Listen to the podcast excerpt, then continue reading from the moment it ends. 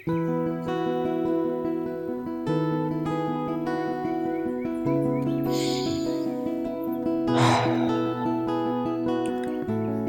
saja judulnya Aku yang sedang jatuh cinta.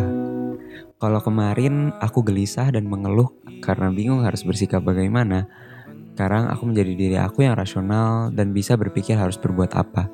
Sebelumnya, biar aku perkenalkan terlebih dahulu. Her.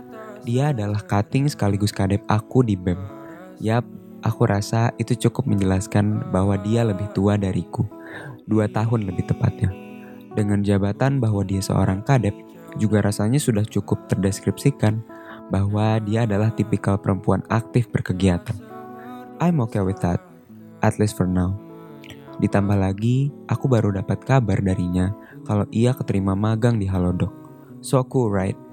Balik lagi ke perasaanku ini, secara hati aku jelas-jelas bisa menerima dia. Kenapa? Karena aku benar-benar nyaman. Apalagi dia berzodiak Libra. Tapi secara sadar dan pikiranku yang rasional, aku belum bisa menerima kenyataan bahwa dia lebih tua dariku dua tahun.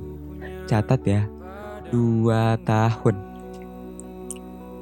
Dari apa yang udah kita laluin selama satu minggu ini kak, aku senang kita belum menemui konflik. Ya siapa juga yang udah menemui konflik semenjak PDKT? I mean, dengan kegiatan sederhana yang kita lakukan satu minggu ini, cukup membuatku jatuh hati dan ingin menunggu keesokan harinya lagi untuk bertemunya kembali. Menemaninya Zoom selama tiga hari berturut-turut, itu pun terpotong karena ada Radep yang harus kita hadiri sama-sama. Makan berdua di dalam mobil, and having small talk selama dua malam berturut-turut. Yang aku pertanyakan, Kadep sama staff mana yang melakukan hal itu?